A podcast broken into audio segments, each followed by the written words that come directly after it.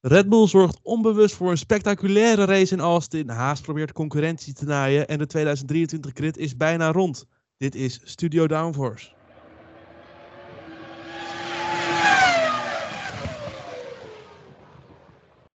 Hallo allemaal, wat leuk dat je luistert naar een nieuwe aflevering van Studio Downforce, de 29e aflevering, waarin we gaan terugblikken op de Grand Prix van Amerika en ook weer vooruitblikken op de Grand Prix van Mexico. Dat doe ik niet alleen, dat doe ik samen met Lies. Hoi hoi. Hallo, hallo. En samen met Elias. Hey Bram. Hallo. Ja, wat gaan we vandaag doen? Ik zei het al een beetje. We gaan eerst terugblikken op de Grand Prix van Amerika, waar Red Bull als constructeurskampioen is gekroond. Uh, met een weekend met ups en downs natuurlijk. Uh, we hebben de Grindbak Talks. Nou, daar hebben we wel de nodige dingen te bespreken ondertussen. Want er is echt veel gebeurd. Vooral rondom de VIA. Maar goed, dat is bijna elke week nu het geval. We hebben het geruchtencircuit goed gevuld weer. En we gaan kort terug uh, vooruitblikken, moet ik zeggen, op de Grand Prix van Mexico. Elias, we hebben een volle podcast. Dus je krijgt van mij wel geteld 6 seconden. vergeet ons niet te volgen op sociale media en Spotify. Oh, dat was heel kort. Hier heb je opgeoefend. Wow. Hier heb je opgeoefend. Nou, laten we dan maar snel beginnen. Oké, okay, let's go. Ja, de Grand Prix van Amerika. Sorry. Hij blijft leuk. Ja. De Grand Prix van Amerika. Red Bull is constructeurskampioen, maar heeft wel eigenlijk hun belangrijkste man in de, geschiedenis, in de Formule 1 geschiedenis van Red Bull verloren dit weekend. Uh, ja, gecondoleerd, uh, Dietrich Mateschitz. Uh, wat vonden we van de race? Heel nee, kort. gecondoleerd met Dietrich Mateschitz. Dat bedoel ik, ja. Dat, ja. ja. Ja, de, hij heeft natuurlijk gewoon een enorme impact gehad op, op de Formule 1 met die twee teams. En de historie die Red Bull dus heeft opgebouwd. Uh, ja, dus uh, zeker een gemis uh, voor de Formule 1 en voor Red Bull. Ja, dan zie je ook heel veel die heeft betekend voor de Formule 1 als je het verhaal hoort. Ja. Um, ik, zullen we de voorspelling even snel doen? Ik moet je ja. erbij pakken. Dus ik ben heel goed voorbereid natuurlijk als host. Um, ja, ik ben wel weer benieuwd. Want dit was natuurlijk wel een beetje onverwacht. Ja, want natuurlijk de kwalificatie hadden we Saints op 1. En uh, moet ik het goed zeggen, Leclerc 2, Verstappen 3. Zonder gridstraf natuurlijk. Ja. Klopt. Ja, hè? Dan uh, hebben we het alle drie... Uh, oh nee, Lies had Leclerc op 2. Ja, ik heb wel iets goed voor mijn leven. Precies. En ik en Elias hadden allebei Leclerc op 1. En dat was natuurlijk Leclerc op 2. En Verstappen op 2. En hij stond op 3. En Lies had ook nog Verstappen op 1 en die stond op 3. Nou, dan gaan we zo door naar de race, want daar hadden wij, surprise, surprise, alle drie Verstappen op één. Nou, er moest uh, helemaal een aarde voor verzet worden, maar dat is wel gelukt. ja! dan hadden we alle drie Saints in de top drie. Nou ja, dat is heel goed geëindigd, maar daar heeft Lies het zo nog wel over. Yeah. Uh, en op de, uh, dat was natuurlijk Hamilton op twee. En dan uh, Leclerc was nog op drie. Dat hadden we alle drie niet verwacht. We hadden waarschijnlijk verwacht dat hij ergens in de bandenstapel gepieerd zou staan na zes rondes. Maar goed, dat is niet gebeurd. Maar ik had Hamilton wel goed, hè? Je had, had Hamilton zeker goed. Ja. Uh, dan de race in één minuut. Lies, ben je er klaar voor? Uh, ja, ik wil van tevoren zeggen, er zit een foutje in. En je bent echt badass als je weet welk foutje het is. Of het zijn twee foutjes. Ik weet het eigenlijk niet zeker. Maar ik ben er dus wel klaar voor, denk ik. Oké. Okay. nou. Geen muziekje, geen muziekje. Geen muziekje dit keer. Nee, nee, nee, nee. nee. Oké, okay, dan ga ik beginnen. Yes. Tja, en waar moet ik dan beginnen? Bij de start natuurlijk. Want daar viel voor bocht 1 Russell bij Sainz naar binnen. Een mooie start voor alle Verstappen-fans. Maar huh, wat zien we daar nou achter? Een heuse Mercedes-Benz? Het voelde al zo lang geleden, alsof ik moest graven diep in het verleden. Vervolgens probeerde Alonso netjes Stroll voorbij te gaan. En Stroll being Stroll, Alonso vloog letterlijk in de lucht van de baan. Stroll kreeg een straf en kon niet meer verder, maar Alonso kon na de stop gewoon door en ging door het veld als een schaapsherder. Max had vervolgens een achterlijk slechte pitstop maar ja, hey, een makkelijke overwinning is ook niet top. Vanaf P5 terugvechten, dat was natuurlijk niet voor Max geen probleem. En hij bracht zichzelf en het team thuis op plek nummer 1. Dat was dat hem? Nee, eigenlijk niet, maar ik dacht dat dit een minuut was. Ja, dat was inderdaad een minuut, ja. Ja, goed hè? Ja. Cool. Zeker. Heel goed, heel goed. Het voelt toch wel, moet ik toch zeggen. Ik raakte afgeleid, want het voelt toch nu helemaal tijd van het jaar steeds meer als Sinterklaas gedichtjes. Ja, maar ik, ik hou ik, het, Voor mijn gevoel verliest het een beetje de, de, uh, de status die de race in één minuut heeft. Omdat het nu echt gaat voelen als een Sinterklaas gedichtje. Ja. ja. dan gaan we nu, gaan we nu gewoon zo snel mogelijk alles opnoemen wat je uh, weet uit je hoofd. Vind ik een leuke. Samenvatten in één minuut. Nee, dat zou ik zonder voorbereiding. stress schieten. Nou, daarom, dat is precies de bedoeling. Goed, Nee. ja, dus, je bedoelt, eh, wil je het, ik heb het foutje niet gehoord. Eh, nou ja, volgens mij is een Mercedes F1-auto geen Mercedes-Benz. Oh ja. Oh, maar zijn we zoeken, dan zijn pisser. Nou ja, dat had ik eigenlijk wel verwacht van jullie, ja. Ja, dat- dat- dat Het is geen Mercedes-Benz, het is een Mercedes AMG. Dat komt zo meteen Ja. op het geruchtencircuit. En in de Grindbak Talks. Laten we beginnen met de race. Eh want het is sowieso steeds op pol. Wat een verrassing. Ja, bizar. Ja. Eh, en vervolgens in bocht 1, laatste. ja, het is ook wel echt sneu. Hè. Die, eh, het was eh, de not so smooth operator deze keer. het is wel, we zien dat vaker daar in bocht 1, voor mijn gevoel, Klopt, in Klopt. Austin. Maar wat we ook vaker zien in bocht 1, zeker eh, in Austin, is dat die tweede startplek helemaal niet zo heel slecht is. Nee. Nee, je hoeft natuurlijk maar een klein beetje betere start te hebben. En dan zit je er al naast. En dan heb, Heb je, je de hairpin. eh, dat is natuurlijk. De regels zijn dat de coureur op op de ideale lijn mag starten. Maar ja, dat is hier niet echt de ideale startplek, denk ik. Was dat nou in 2018 ook met Raikkonen het geval? Dat die... Of Ja, start ik kan me volgens mij juist op 2014 of 2015 nog wel herinneren. Dat Hamilton en Rosberg daar eh, elkaar het leven zuur maakten. Ook ja. Dus eh, nee, maar daardoor eh, Verstappen naar P1.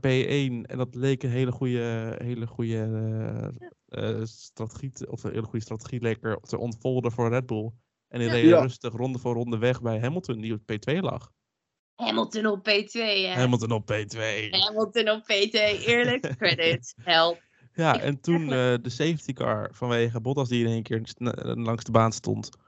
Eh, ja, domme fout, maar kan gebeuren. Het is ook wel echt, eh, Alfa Romeo heeft zoveel pech dit seizoen. Echt, Ja, is niet de motor, is wel de coureur. Die hebben echt volgens mij negen races al geen punten meer gescoord of zo. Of die hebben Ja. in het begin van het seizoen 51 punten gehaald. En daarna echt nog maar één of zo in de laatste paar races. Ja. ja, of die hebben eh mechanische pech, of de coureur maakt een fout, of Latifi Of Latifi, ja, zoals van ja. Toen eh, nou, de, de auto opgeruimd, geen eh, probleem met een kraan dit keer. Toen weer eh, groene vlag en dat was, duurde ongeveer twee derde rondje. Totdat Alonso dacht, ik ga naar de maan. En Stroll dacht, hoe lekker spinnen hier. Ehm, Ja. We hebben afgesproken geen mening in de terugblik, maar wat een domme actie van Stroll. Nou, als we dan toch meningen gaan doen, dan gooi ik die van mij er ook even in. Dankjewel, Bram. Ja. Dit was objectief levensgevaarlijk. was dit. Want nee, dat was Ja. niet. Ja, nou ja, oké. Maar dan komt hier ook iets objectiefs. Hij had gewoon dood kunnen zijn. De manier waarop Stroll zijn auto weer terug de baan op kwam. En al die gasten kwamen gewoon op volle snelheid op hem af. Nou, ik kreeg echt een beetje Antoine Hubert eh, vibes ervan. Ja. Ja, ik ook moet ik zeggen toen ik het zag.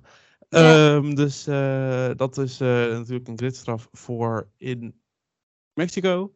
Ja, en terecht. Ja, en ook wel een beetje awkward natuurlijk, hè, want die zitten volgend jaar bij elkaar in het team. Dus eh, Ja, Ja, ja, ja, ja, ja, ja. Zeg, hoi! ik moet zeggen, je, het was wel een mooie wheelie van Alonso. Ik geef hem een eh 9,5. Ja, dat is Ja, ook. absoluut. En ook dat hij hem uit de muur heeft kunnen houden uiteindelijk. Ja, echt bizar. En dat hij daarna nog door kon rijden en... Ja. En Ja. vervolgens in de, in de kont geneukt wordt door de VIA. Maar goed, daar Ja. hebben we het zo uitgebreid Ja. over. Dan eh, gaan we even naar eh Gasly. Anonieme race. Maar wel echt enorm. Ja, het staat hier het target van de steward. Nou, dat kan je echt wel zeggen. Ja. Vanwege eh, te veel afstand houden met de auto voor zich. Op het recht, op opkomen rechte stuk waar coureurs gewoon gas geven. Daardoor kreeg hij een 5 seconden tijdstraf en twee penalty points. Vervolgens Ja. kwam er nog een document naar buiten. Namelijk dat de auto van Gasly in de pitstraat niet genoeg stil heeft gestaan. Namelijk eh, dat de voorwielen 4,54 seconden van de grond zijn geweest. En de achterwielen. eh, oh nee, dat de voorwielen omhoog zijn gegaan een half seconde te vroeg. En de achterwielen 0,2 seconden genoeg te Ja, voor dat is wel de 5 echt seconden. eh, lullig, ja. Ja, maar Maar altijd... Sorry. Volgens de regels. Het is gewoon volgens de regels. Ze hadden al die tijd, hadden ze gewoon kunnen, beter kunnen besteden in het incident van Alonso. Maar oh, nou, oké, oké. ik ga... Nee, dat komt nog. eh, dat Ja, komt nog, dat komt nog, dat komt nog, dat komt nog. En komt in ieder geval wel neer, die twee, tijd, eh, die twee penalty points, dat brengt hem op een totaal van 9 voor de maximale 12. Wat inhoudt dat hij nog maar drie strafpunten is voor een, eh, van een race schorsing. En toen dacht ik van, oh ja, maar hij zou waarschijnlijk dit seizoen nog wel strafpunten die er afvallen of zo. Maar nee, de eerste strafpunten die hij verliest, die verliest hij pas op 25 mei 2023. Nee. Nou, nu denk je van dat is best een stukje. Dat klopt, dat is de, dat mag. En deze drie laatste races van dit seizoen en de eerste acht races van volgend Nee! seizoen niet meer dan drie strafpunten behalen. Ja, Wow. de Ik kan je eerste vertellen, race- dat wordt onmogelijk, want hij heeft, Hij zit volgend jaar met Ocon in het team. Dus eh, Ja. dat, wordt echt, eerste, dat wordt chaos. En ik ga ervoor zitten met mijn bakje popcorn. Heerlijk. misschien kan Piastri nog invallen bij Alpine. Oh nee. Ehm, in ieder geval de eerste race na 25 mei, dat is de Grand Prix van Monaco. Ehm, ja, dus dat is de achtste race van volgend seizoen. Oh. Een mogelijk scenario is dus, en dat heb ik even snel verzonnen, dat hij eh, in Abu Dhabi eh, over de totaal van 12 punten heen gaat. En dat hij dus voor de eerste Alpine race die hij mag rijden geschorst is. Als Ja, een soort dan, eh, afscheidscadeautje. Ja, dat is een beetje. eh, ja, eh, hij moet gewoon oppassen. Hij moet, wel een half jaar lang oppassen, joh. Dat is echt. Ja, dat is wel lang, ja. Je krijgt tegenwoordig bij VIA krijg je echt al strafpunten als je, als je kar Arend. vergeten voor een Ja. Precies, ja. Maar even terugkomend erop. eh, over, over die straf van Gasly. Eh, dat is natuurlijk eh, een terugkerend fenomeen. Dat hebben we in Singapore gezien met Perez. Die dan niet genoeg afstand hield met de safety car. Eh, deed dat twee keer, kreeg daar één keer vijf seconden voor. En twee penaltypunten, dacht ik. Klopt. Eh, maar ik heb even terug zitten kijken en ik zag het ook voorbij komen. Maar die andere, andere coureurs die deden precies hetzelfde als Gasly en daar heb je dan niks over gehoord. Die Ja, het zou een datadingetje kunnen zijn dat het opgevallen is van hey, misschien heeft gewoon één team heel slim aangegeven hey, let hierop. En dat toen is gekeken naar Gasly en dat niet naar de rest gekeken. Ik weet niet hoe dat gaat bij de VIA, want ik heb nog wel meer vragen hoe de beslissingen genomen worden bij de VIA. Ja, goed dat je het daarover hebt, want ik wilde nog één dingetje aankaarten. En dat was in de kwalificatie. Was dat volgens mij Verstappen en uit mijn hoofd Guan Yu Zhou allebei eh, op het randje van die tracklimit zaten in de laatste bocht. Ja, maar dat is voor mij gewoon een technisch dingetje. Als ze eroverheen gaan, gaan ze eroverheen. Als ze niet overheen gaan, gaan ze niet overheen. Ja, maar het Daar leek, zou ik uren met je leek over willen praten, allebei- Elias. maar volgens Het- het- mij wordt daar gewoon iets Het technisch. leek wel alsof, alsof Max er vol overheen was hoor. Maar eh, Maar goed, dat zijn meningen en dat mag volgens Bram niet in de terugblik. Dus eh, we gaan Niet- door het is echt niet gelukt. met Vettel. En hoe is dat gegaan? Maar Seb Vettel. Ja, Zonder dat hij stopt. ja, absoluut. Wereldrace. Fenomenaal. Ik Eh, eh, heb bijna een traantje gelaten toen ik hem op eh, P1 zag rijden. Wat wel een leuke statistiek is, is dat hij ehm, tot, dan moet je me even helpen Elias, volgens mij tot de, deze Grand Prix had hij 3499 rondes aan de leiding gelegen. En doordat hij ehm, twee rondes aan de leiding heeft gelegen in Amerika, is hij over het totaal van 3500 rondjes gegaan. 3500, ja. Volgens mij klopt dat, Bram. Ja, ik, ik zie het hier nu ook inderdaad. Hij zit staat nu op 3501 rondje aan de leiding. Dat is echt wel heel bizar. Ja, dus eh, hij is in ieder geval van, de, van, de, van die verschrikkelijke 3499 punten af. en goed, daarna een pitstop van zo- 17 seconden. Ja, Ja. Die hij uiteindelijk wel gewoon... van, die pitstop van Red Bull was slecht. Maar Aston Martin dacht van, haha, kunnen we toch nog ergens de het beste in zijn? Een pitstop verpesten. Precies, ja, ja, ja. Maar uiteindelijk gewoon goed in de punten. En laatste ronde Magnussen, ja, gewoon uit het boekje. Ja, en dat heeft hij twee maal gedaan, hè, buitenom daar. Een beetje wat ja, Verstappen toen deed eh, bij Raikkonen in 2018. Maar dat was binnendoor. 18, maar dat was binnendoor. Hij deed buitenom en dat is echt... Mhm. Ja, je ziet het niet vaak gebeuren. Maar dat hij het kon uitvoeren en dat het uiteindelijk ook lukte, fenomenaal. En dat laat toch Ja. zien dat hij toch, ja, misschien toch weer de motivatie terugvindt, toch weer een beetje plezier erin heeft. En laat Ja. toch wel zien dat de Formule 1 naast een grote persoonlijkheid ook een goede coureur, ja, een wereldcoureur, in, als hij in vorm is, wereldcoureur. Ja. En die gaan we nu verliezen aan het eind van het seizoen. En dat blijft toch ongelooflijk jammer. Ja, ik zie wel terugkomen als teambaas of zo. Oh, Voor mij is dat ook dat de Formule 1 coureurs zelf zeiden van als er één coureur van de huidige grid teambaas wordt later, dan is het Sebastian Vettel. zo. Dat lijkt me lachen. Maar goed, dat is eh, speculeren. En daar zijn wij heel goed in deze podcast, maar dat gaan we niet veel meer doen. We gaan nu lekker onze mening op tafel gooien. Want dat is al heel goed gelukt om niet te doen de afgelopen 10 minuten. We gaan door naar de Grundbak Talks.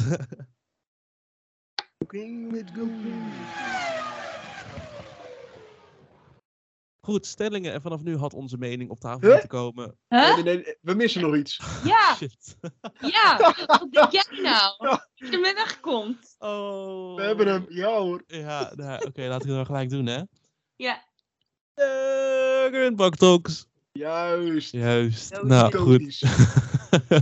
Kan het niet- we kunnen niet zonder dat beginnen. Gelijk zo verontwaardigd dat hij er niet in zit. Hè? Gelijk alle alarms zijn op rood. Het is gewoon. Error 404 bij Lies en Elias, want de intro is niet gedaan. Goed, de Ja. eerste stelling. De VIA moet een lijn gaan trekken met track limits. Letterlijk. Die vind ik wel goed, ja. Die Ja, vind, ik, vind ik goed Dankjewel. Ja. Dankjewel. Eh, eens. ja, weet je, ik, ik Eh, zit eens dan of heel oneens, vaak- Elias? Ik ben het eh, eens. Lies? Ja, ik ga toch weer vragen op welke manier deze stelling bedoeld wordt. Nou, Nou, ja, ik kan je de uitleg geven als je wil.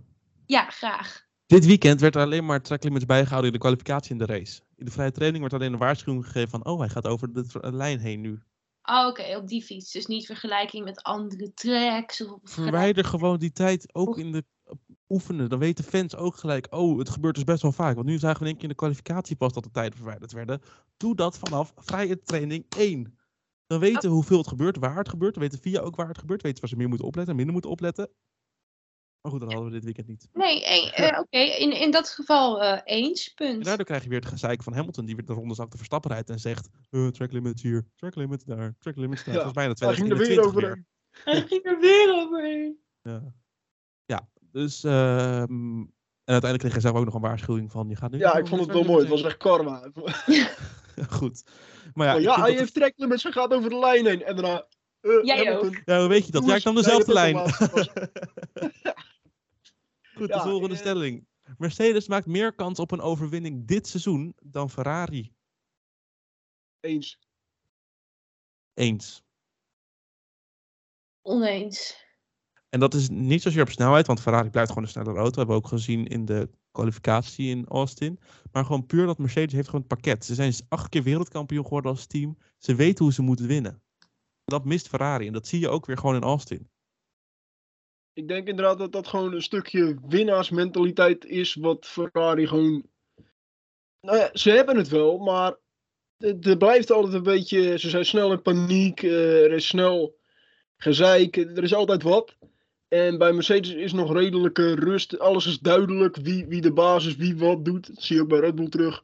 En Ferrari heeft dat gewoon minder. En wat ik ook denk, en wat ik dan ook in de afgelopen jaren wat je terugziet, is dat Ferrari gewoon een stuk minder is in het doorontwikkelen van de auto. We hebben het gezien in 2017. eh, in de tweede seizoen zelf konden ze Mercedes niet meer bijbenen. 2018 konden ze Mercedes ook niet bijbenen. In 2019, nou ja, toen hadden ze een, eh, eh, een grote raket van een motor achterin liggen. Dus ja, dan valt het minder op. 2020, ja, toen we- werden ze geraakt door, do- door die regeling natuurlijk, door de illegale motor. Eh, 2021 waren ze wel aan het opbouwen, dus dat is minder te, te- beoordelen in mijn optiek. Eh, en dit seizoen zie je weer in de tweede seizoen zelf vallen ze gewoon terug qua ontwikkeling.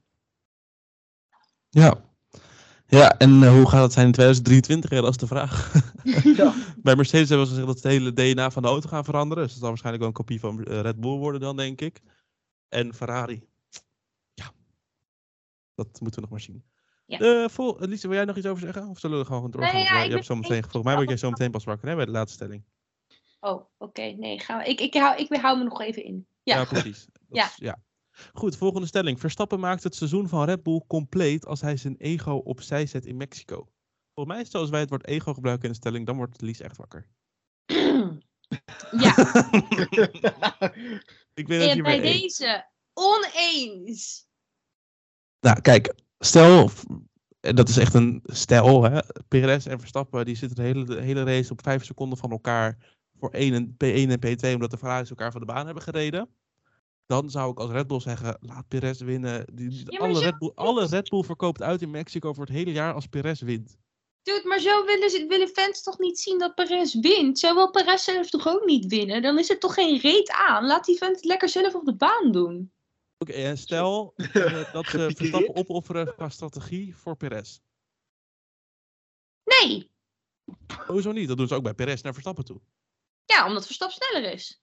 Ja, maar als het in Mexico is, als Perez kan winnen door Verstappen eerder te laten stoppen, waardoor ze de Ferraris moeten laten stoppen en dan kan Perez doorrijden omdat hij een bandenfluisteraar is. Zeg maar wat. Nee, bullshit.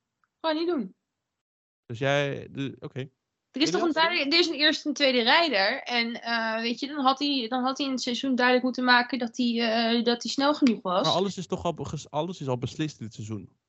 Ja, maar daar gaat het al niet om. Ik, ik, ik, ik vanuit mijn racehart vind het gewoon. Ik hou niet van swaps. Ik hou niet van eh, mensen eh, laten winnen omdat het leuk is voor, eh, voor hun en voor de pers en weet ik veel wat. Ja, nee, nee, nee, nee. Gewoon nee. Oké, Elias? Ja, ik was even koffie halen, ik ben terug. ik ga ook mijn koffie Hey, zetten hier. eh, ja, eh, ik ben het op zich met Lies eens. Want, Dankjewel. Oh, eh, ja, top. Eh, ja, kijk, aan de ene kant, kijk, voor, voor Perez zou het geweldig zijn als hij hier kan winnen. Maar wil je op zo'n manier winnen dat eh, Verstappen voor hem aan de kant gaat, wil je op zo'n manier winnen? Ik denk dat Perez op eigen kracht wil winnen. En daarnaast denk ik dat Verstappen ook gewoon vol in zijn, ja, in zijn concentratie zit, vol gericht is op dat record. Hij is nu natuurlijk, heeft het nu geëvenaard met Schumacher en Vettel, die allebei 13 overwinningen ook hebben gehaald. Mhm. Hij kan dat dus, eh, kan dat dus overtreffen. Dat record eh, alleen op zijn naam krijgen. Ja, Als hij nog één keer wint dit seizoen. maar zou... zeggen, en dan kun je zeggen, er komen nog twee races aan met Brazilië en Abu Dhabi daarna. Maar ik denk dat je het risico niet wil nemen. Kijk, hij is al wereldkampioen, maar dat record wil hij graag nog bij. Maar voor dat record zou je dus wel zeggen, offer Perez op qua strategie, zodat Verstappen eh, naar de overwinning rijdt. Nee, nee, nee. eh, als Perez op eigen kracht ervoor zit, dan zou ik niet, eh, niet eh, hoe zeg je dat?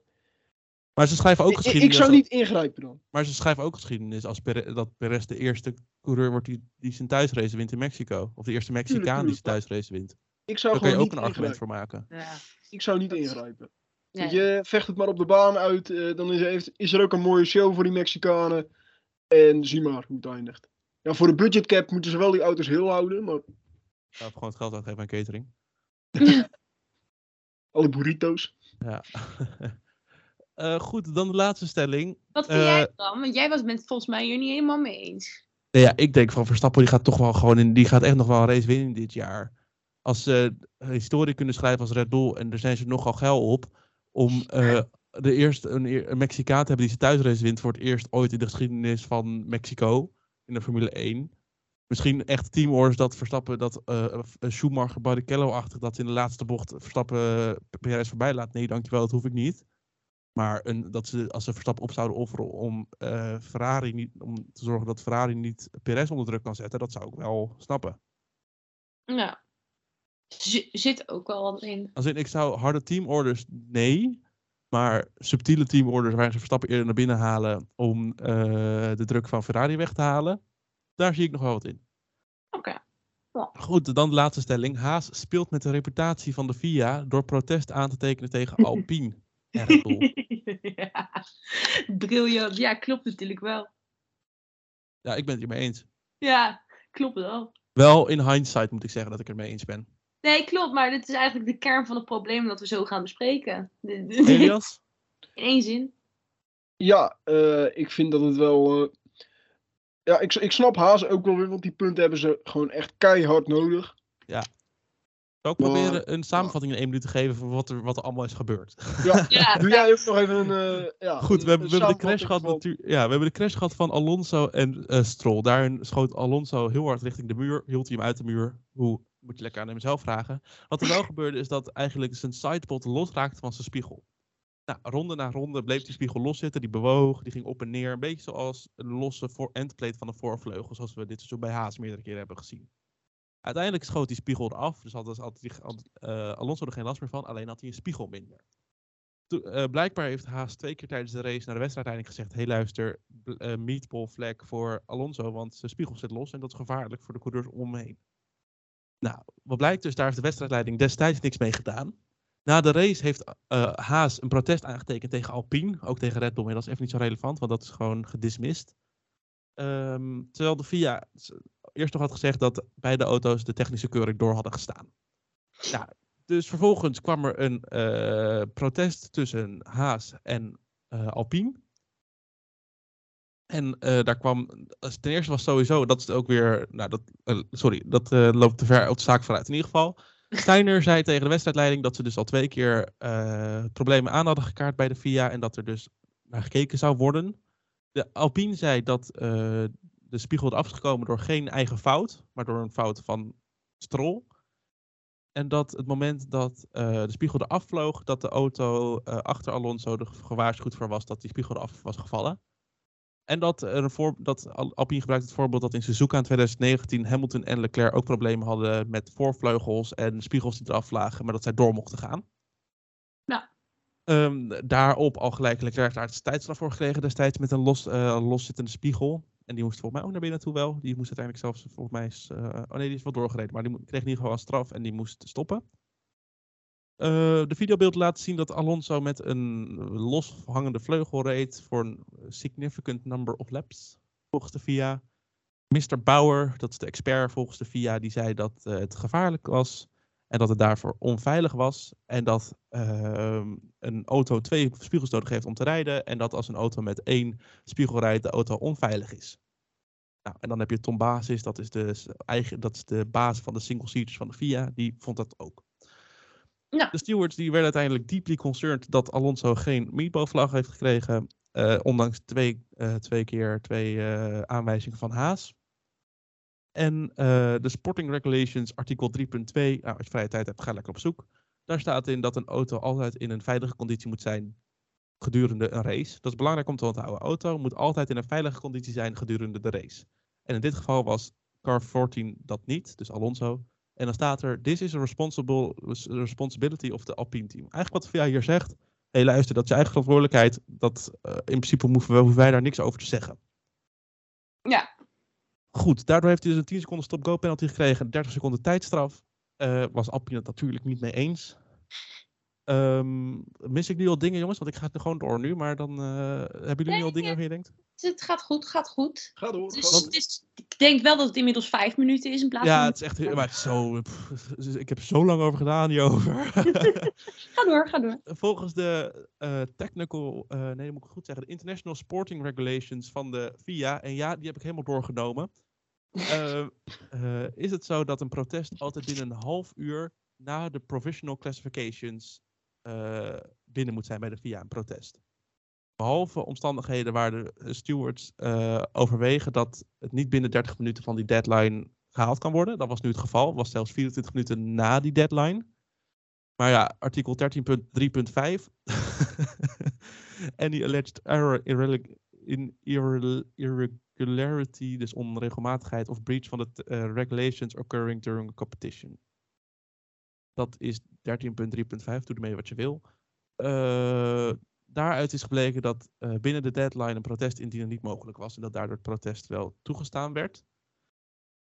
Goed, wat is er nou aan de hand? Alpine heeft dus nu protest aangetekend tegen het protest, om het lekker makkelijk te houden. Komende donderdag wordt daar, is daar uitsluitsel over. Maar wat heel belangrijk is, is dat dat protest niet zozeer tegen Haas is of tegen het team van Haas. En nu laat ik maar jullie over. Of willen jullie nog meer? Nee, eh, het enige wat ik hierover kan zeggen is erkennen een eigen fout. Maar het is gewoon eh, ten opzichte van Alonso niet terecht dat je eh, het hele seizoen niet balvlags geeft. om te zeggen van joh, je moet naar binnen want je auto is onveilig. En hier doen ze het niet. Ondanks dat Haas zegt van joh, via luister even, even kijken, even kijken. Ja. Doen ze het niet. En dan vervolgens eh, wordt iemand dan achteraf gestraft. Terwijl als je dit in de race had gezegd, dan had het team van Alpine ook een kans gehad om er iets aan te doen of niet. De kans is ze nu ontnomen. Dus ik vind het een hele zware straf om achteraf te geven voor een loshangend spiegeltje. Ja, en wat belangrijk is om te zeggen is dat de stewards, dat is niet zozeer de wedstrijd, maar de stewards, die hebben gezegd dat ze heel, heel veel zorgen maken dat de racecontrol niks aan heeft gedaan. Dus de Ja. FIA heeft eigenlijk gezegd dat ze er zorgen over maken dat de FIA er niks over heeft gedaan. Ja. Ja. Om het nog makkelijker te maken. natuurlijk. Precies. Ja, toch? Ja, dus eh, weet je, maar dat, dat krijg je dus altijd met een orgaan wat zichzelf controleert. Net, net zoals mijn nier en mijn lever. Dus eh, ja, ik zal het kort houden, maar dit is wel weer een van de dingen waar ik heel erg pist over ben. En inderdaad, ehm, hiermee geef je ook aan dat elk team nu altijd een eh, protest kan indienen achteraf. Als een Ja, auto, wat- wat- ja. wat Alonso erover heeft gezegd, die heeft gezegd de beslissing zou uitwijken, dus van protest, of we de goede kant op gaan met onze geliefde sport. eh, in de toekomst. Want eh, het gaat niet zozeer om dat eh, Haas iets verkeerd heeft gedaan. Dat zegt Alonso ook. Het is Nee. een zeldzaam moment in de sport dat, we, dat hij het gevoel heeft dat ze allemaal op dezelfde lijn en dezelfde zitten en dezelfde mening hebben over de regels. Het is gewoon dat de FIA of de wedstrijdleiding echt tekort kwam. En nu hoop ik stiekem dat de tijdstraf van Alonso weggaat en dat FIA zegt, hé hey, luister, dit is onze fout, we gaan het in de toekomst zo en zo aanpakken. Ja. Want als nu de FIA zegt, eh, het protest van Haas is goed, dan kan in principe elk team nu zeggen, hé hey, luister, die eh, achtervleugel daar, die ene schroef zit niet goed vast, dat is onveilig. En als dat blijkt dat het zo vast en dat de achtervleugel eraf had kunnen vliegen, weet ik het veel, dan kan in principe elk team zeggen over elk team, hé, hey, dat is onveilig. Dus Nee, vandaar de stelling, Haas speelt met de reputatie van de FIA. Want als de FIA nu zegt, hé hey, luister, het protest van Haas is goedgekeurd, dan waarvoor is de FIA dan nog? Dan bepalen de teams dus zelf. Dan doet de FIA het wer hun werk niet goed, blijkbaar. Nee. Dit, heb ik, dit is be- best goed gegaan. Hebben we nog Ja. dingen? Nee. Ik hebben alles al kan er niks toch? toevoegen. Nee. Dus en de, de woede van Alonso en Alonso-fans, Lies, is natuurlijk volledig begrijpelijk. Dankjewel. Want er was direct daarna een safety car. Als ze daar opgelost hadden, had Alonso gewoon met al die goede acties die hij had, gewoon weer de punten in kunnen rijden. En nu eindigt hij als vijftiende of zo. Ja, precies. En vooral als je kijkt naar wat voor race die vent heeft gereden. Weet je, het was, het was echt. Het was, het was Formule 1 ten top. En dan ga je dat daarna. Ja, nou ja. Ja. Ik, ik ben er nog steeds een beetje verdrietig over. Daarom ben ik niet zo, niet zo, niet zo gefrustreerd en boos zoals normaal. Omdat ik Nou, ik heb jouw Instagram maandag gezien. Jij was echt woedend. Ja, maandagochtend wel, maar daarna. Het was ook maandagochtend. Het Hè? was ook wakker worden met het nieuws dat Alonso een 30 seconden tijdstraf had te Ja, zijn. ja, dan weet je, dat was gewoon naar. En nu, nu ben ik gewoon voornamelijk verdrietig. Ja, ja, welkom in het leven van een Formule 1-fan. Ja, Goed, de duimtrofee. Elias. Ja, ik ga voor George Russell, want hij is de laatste weken niet in vorm. En dan nu ook nog even in de eerste bocht eh, de pole zitter. eh, ja, uit de race stikken. Ja, lullig en eh, duidelijk dat hij eh, niet helemaal happy is in die auto. Ja, dat, eh, dat klopt. Dan heb ik eh, als duimtrofee de VIA Steward. Die gaat over het uitgeven van de meatballvlak. Vlag. dankjewel. Terecht, terecht. ja, toch? En dan Ja. eh, Lies, wie had jij nog? Ja, ik twijfelde tussen die, maar ik dacht, nee, ik ga origineel doen. Ik doe gewoon Strol, want ja, Strol was weer... Ja, Strol was weer classic, Strol. Nou, dat, eh, ik vind het drie mooie nominaties. Willen we nog een winnaar aanwijzen of houden we het hierbij? Het gerucht Eigenlijk- is dat namelijk altijd kloppen op mijn deur. Dus die moet, we moeten Ja. snel door natuurlijk ook weer. Eh Meatballvlag wint. Oké, mooi. Dan gaan we door. Oké, let's go. Het geruchtencircuit. Lies, we laten jou los voor de komende 10 minuten. Ja, dankjewel, dankjewel, dankjewel. Eh we beginnen met eh, het nieuws. De Williams deal met Logan Sargent eh, voor een Formule eh 1 zitje voor volgend jaar. Wat natuurlijk best wel bijzonder is, zo gezegd. Want Bram, Ja, ik ga je Kom een keer eh, overnemen. ja, kom maar, kom maar Ja, want eh, we hebben natuurlijk eh, rondom de zomerstop al een heel gedoe gehad over de superlicentie. Rondom Colton Hurta was dat. Ja. Want onze Hurta die had niet genoeg punten op superlicentie en Red Bull wilde dispensatie, maar dat kreeg hij niet. Ehm, eh, terwijl ik dit nieuws zie, heb ik zo nog iets anders, dus daar kom ik zo mee. Oh. In ieder geval, Lo- Logan Sargent die heeft momenteel 28 punten op zijn superlicentie. En hij heeft dus nog 12 nodig, want je hebt minimaal 40 nodig in een seizoen. Eh, hij krijgt voor elke eerste vrije training die hij deelneemt, krijgt hij één superlicentiepunt. En hij, is nog, hij gaat in Mexico weer de eerste vrije training doen en in Abu Dhabi. Want in Brazilië hebben we sprintweekend. Dus dan is het wel heel lullig voor Latifi die dan helemaal geen voorbereiding heeft. Voor de kwalificatie, want die is natuurlijk gelijk op vrijdag dan. Eh, dus nog twee keer een VT1-sessie voor Sargent. En daarmee heeft hij nog 10 punten nodig van het Formule 2 kampioenschap. En dat betekent dat hij achtste moet worden minimaal in, de uiteindelijke, in het uiteindelijke klassement. Hij staat daar nu derde, maar het gat naar P7, wat al bijna P8 is, dat is echt 15 punten of zo. En dat is gewoon heel makkelijk in te halen in een raceweekend. Dus eh, het is best wel een onzekere deal voor Williams. Want ze, hebben natuurlijk, ze weten nog niet zeker of eh Sargent wel een stoeltje heeft. Nee, precies. Eh, dus ik vind, hem, eh, ik vind het ook wel eh, aan de andere kant ben ik er wel, ondanks dat ik het niet echt een bijzondere coureur vind, ben ik wel blij dat ze voor jong talent hebben gekozen. Ehm, en inderdaad ook wel gedurfd dat je iemand Ja. kiest die nog niet eens officieel in ja, ja, die nog niet officieel volgend jaar mag rijden. Ja, en over gedurfde keuzes. Ik heb een Ja. beetje nu breaking news dat ik er gewoon Ik lekker tussendoor Zag, ga gooien. ik, ik zat al stiekem te spieken. Breaking news, maar dat is geen breaking news meer voor onze podcastluisteraars, Bram. Nee, dat klopt. Maar het is in ieder geval wel over een eh, ge- gedurfde, gedurfde gok van een Formule 1 team. Ja, Namelijk eh 2023 Alfa Tauri coureur Nick de Vries die gaat dit weekend VT1 doen voor Mexico. ja bizar. Maar ja. wel ja. ja, en logisch natuurlijk. Ja. Maar ja, ik bedoel, eh, volgens mij zei de team, teammanager van Mercedes, zei, hij moet gewoon niet gaan kijken naar de dingen waar hij niet naar mag kijken. Dat ik echt denk, ik zou nog net geen foto's maken. Ik weet dat het niet mag, Nee. maar ik zou nog net geen foto's maken van alles. eh. Maar ja, aan de andere kant is het ook maar de vraag of je dat nu wil eh, om info van een Mercedes te krijgen als je zelf Red Bull bent. In Ja, ieder geval, Misschien volgend jaar. ik, ik ga er wel weer uitschoppen, want we moeten verder. Maar dankjewel voor de toevoeging. Ehm, Williams, nog meer nieuws. Eh, er zou waarschijnlijk een Porsche deal zijn vanaf 2026. Eh, source, trust me bro. Dus dan weet je dat het van Elias afkomt. Eh, maar ja, de FIA die heeft al gezegd dat eh, Porsche wel in gesprek is met F1-teams. En dat moeten we gewoon nog een beetje afwachten. Ja, Eh, dat wat- werd door Jack Ploy gezegd eh, bij Ziggo Sport, bij de racecafé. Ja. Precies, Elias, trust me bro. Ehm, in ieder geval, wat wel bevestigd is, is dat eh Sauber verandert in Audi in 2026. Hehe, eindelijk. Eh, dit nieuws kwam soort van verwacht voor ons. Wij wisten natuurlijk wel dat Audi eh, en eh Sauber Alfa Romeo aan het praten waren, maar we wisten niet dat ook echt daadwerkelijk het hele team gewoon overgenomen wordt door Audi. ja. Dus die, die is wel interessant, vind ik zelf. Vinden. Nee, ja, het is, eh, voor mij wordt de, motor, eh, de auto zelf wordt nog steeds gemaakt in Zwitserland bij Sauber. Maar de eh, motoren worden wel gemaakt in Duitsland. Ja, Ja, en- er zullen natuurlijk ook wel, eh, er zullen natuurlijk ook wel kwaliteitsimpulsen bij komen met het eh, geld van Audi erbij. En waarschijnlijk minder Italianen die er gaan werken nu. Dat ook. Maar een mooi deal voor beide partijen, denk ik. Zeker. Over mooie deals gesproken, dankjewel voor het bruggetje, Elias. Hey. Ehm, Haas eh, heeft de titelsponsor aangekondigd. eh, en dat is MoneyGram. Nou, daar hebben wij een Energy hele- Rich? eh, wat, sorry? Energy Rich? Energy Rich, ja precies. Eh MoneyGram. En eh MoneyGram, yes. eh, dat kennen wij natuurlijk niet in Nederland. Maar dat is eigenlijk een best wel heel erg groot Amerikaans bedrijf. Eh, echt een waarde van, eh, weet ik veel wat, hoeveel, eh, wat was het, miljarden of miljoen jongens? Oh, wat ben ik slecht voorbereid. Het is... 900 miljoen.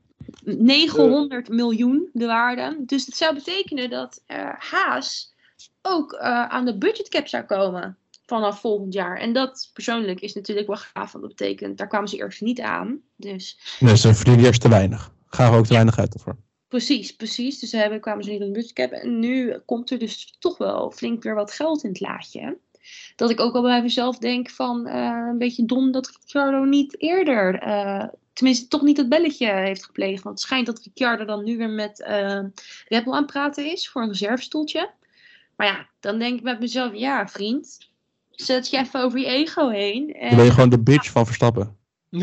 ja, precies. Weet je, ik denk, zet je over je ego heen en ga, ga bij Haas zitten. Want je weet het maar nooit. Hè? Als zij opeens al dat geld binnenhalen, en is volgens mij echt wel een flink hap meer geld dan dat ze eerst uitgaven.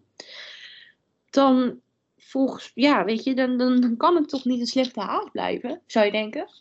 Maar ja, in ieder geval, eh grappig dingetje nog wel over eh, MoneyGram, en dan ben ik echt klaar. Is, ehm, er, er zijn al wel weer rechtszaken en zo geweest met MoneyGram. Dus net als Rich Energy en uh, Urakali, weet je wel, is het toch wel een beetje, ja, zo Ja. sketchy. En het Eh, is weer een grote sponsor van Haas. Die concurreert met de grote sponsor van Red Bull. Bij Red Bull Oh. is de Cash App. Ik heb echt nog nooit die link gelegd, maar daar heb je best wel een goed punt. Ja. Ja, dus nou ja, dat in ieder geval eh, zijn er wel een aantal rechtszaken geweest vanwege eh, fraude, witwassen, eh, mensen die hun geld niet op te laat kregen, dat soort gezeik. Dus we gaan het allemaal nog wel zien, maar ik ben in ieder geval blij voor Haas dat ze wat meer centjes te besteden hebben volgend jaar. Dat gun ik ze wel. Ja, en ik denk dus dat dit wel gewoon weer jouw geruchtcircuit voor komend jaar gaat voeden. Als dat echt zo'n eh discutabele sponsor is. Daarom, weet je. Zo, zo zorgen zij er ook weer voor dat ik hier weer iets te lullen heb. Dus Een win-win. helemaal mooi. Nou, Ja. laten we doorgaan dan naar de laatste, het laatste punt van deze podcast. Namelijk de vooruitblik op de Grand Prix van Mexico. Oké, let's go.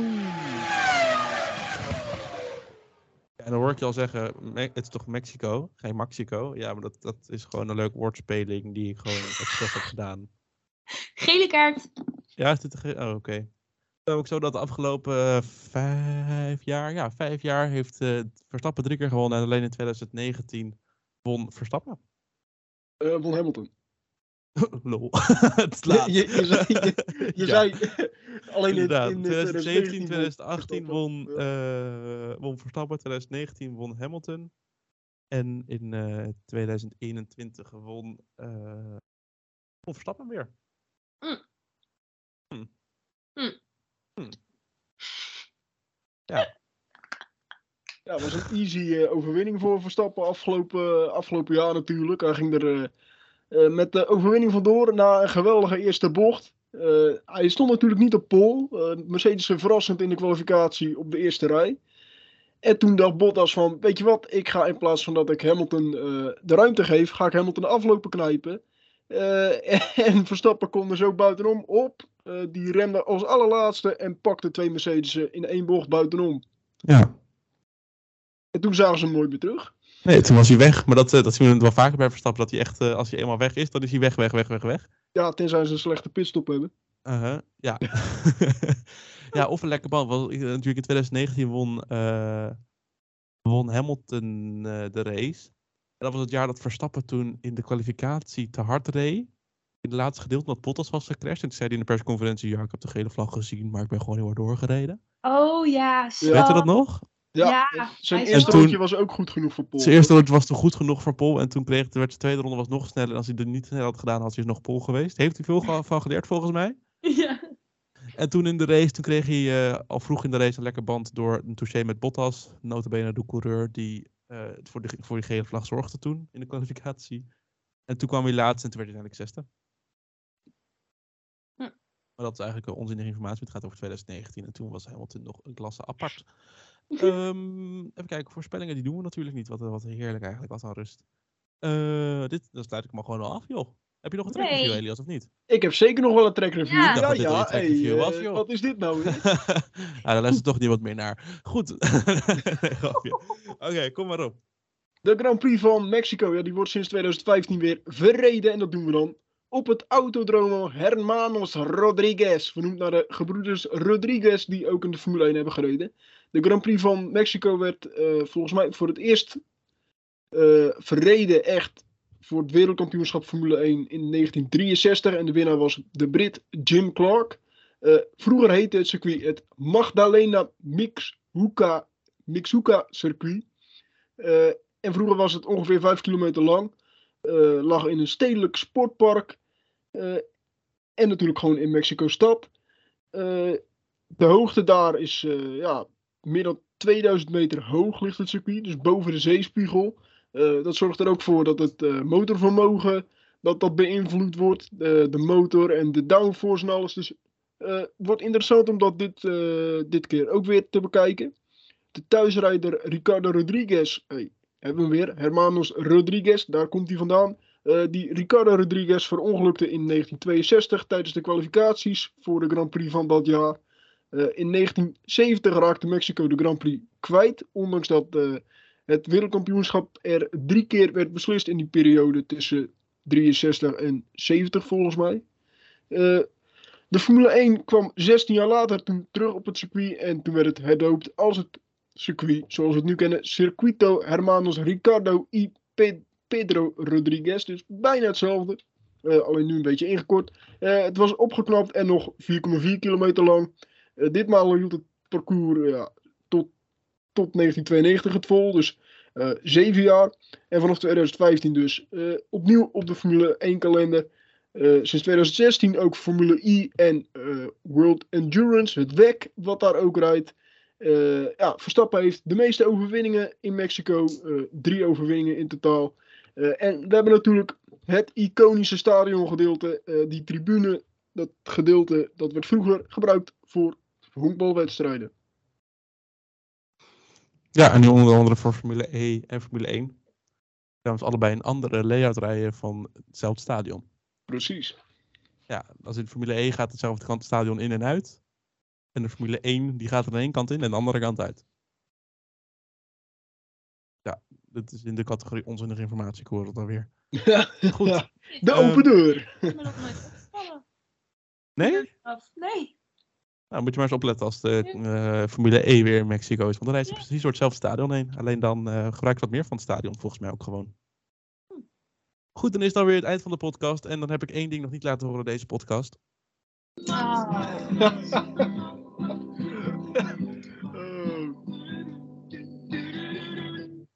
Du. Goed, dit was de podcast alweer. De volgende keer dat we het over een Grand Prix van Amerika gaan hebben, is dat volgend jaar. Dan gaan we het het liefst drie keer hebben over de podcast. Over, over over een Amerikaanse Grand Prix. Want dan is hij ook nog in Las Vegas. Ik, zie Mhm. ik zag trouwens vandaag dat de tickets bekend zijn. Mogen jullie raden wat, uit welke prijs eh, beginnen de tickets? Dat is dan General Administration, weet je wel? De laagste eh, Nou, General eh, Admission. Ik zou zeggen, noem maar op. Eh, dus een gok voor jullie? 2000 eh, dollar of zo. Ik zeg eh 5000. Nou, het is 500 dollar Oh. ja, dat is nog best voor goedkoop. General Admission. En dat is dan voor het hele weekend ook. Dus in principe Oh. nog best wel oké tickets. Ja. Nou, wij gaan En, boeken. eh, maar waarschijnlijk is dit echt dat je, dat je eh, ergens achterin eh, zit. Zonder schermpie. Want het kan, in- je hebt echt options van eh, food and drink packages en de paddock club en de skyboxes en suites. En dat kan tot eh, grandstands en general admission. Wat ook, het zijn wel drie dagen tickets. Je- ik heb geen losse dagtickets. En wat ik wel heel grappig vond is dat 7,77 dollar naar de Las Vegas Grand Prix Foundation gaat.